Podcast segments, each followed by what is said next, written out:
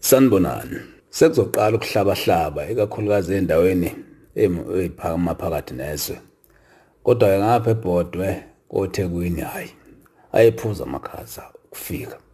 Bese ke lenyanga emakhaya sekuqala sekubaswa. Bese kuthiwa umbasa.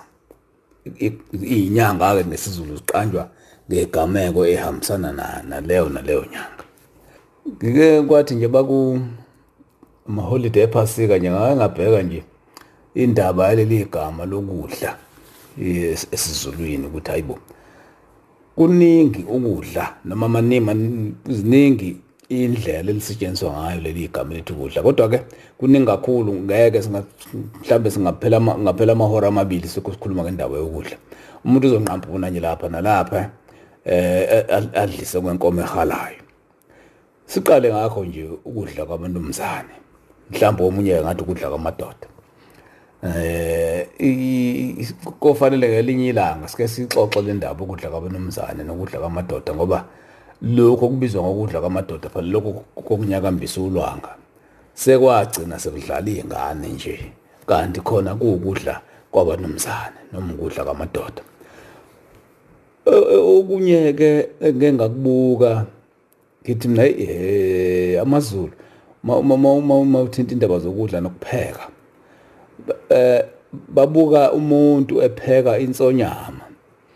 Babuke ukuthi ayi lo muntu sengathi igama nqandukwana leli lipheka lensonyama bese bethi soyicela ivuthiwe kusho ukuthi mabethi soyicela ivuthiwe bayabona ukuthi sengathi akuyena umpheki okwazi ukuyipheka lensonyama soyicela ivuthiwe eh ubheke nje ubuciko nokuqaphela kwabo bethi soyicela evuthiwe. Ngeke ngabheka ke negama lomhluzi. Ngase ngilihambisa naleli lithi isobho. Akithi umhluzi ke ikakhulukazi bade kubuswa nje abanumzane bedlulisa emveni kokudla inyama adlulisele komunye bese ethi eyu uyabanda.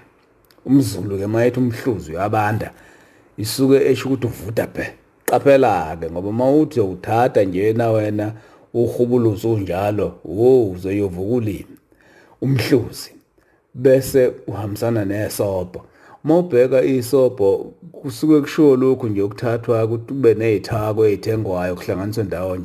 Isobho mhlambe lokho kuthiwa isoup ngesingisi ungasho ukuthi isobho ngesizulu.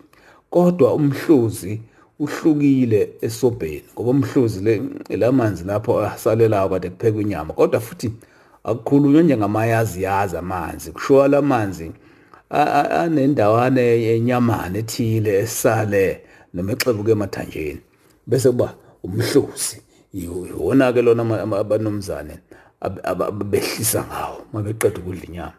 Ngakho ke umhluzi nesobho uthola ukuthi akufani. Awukwazi ukuthi nje isobho vele uthi umhluzi.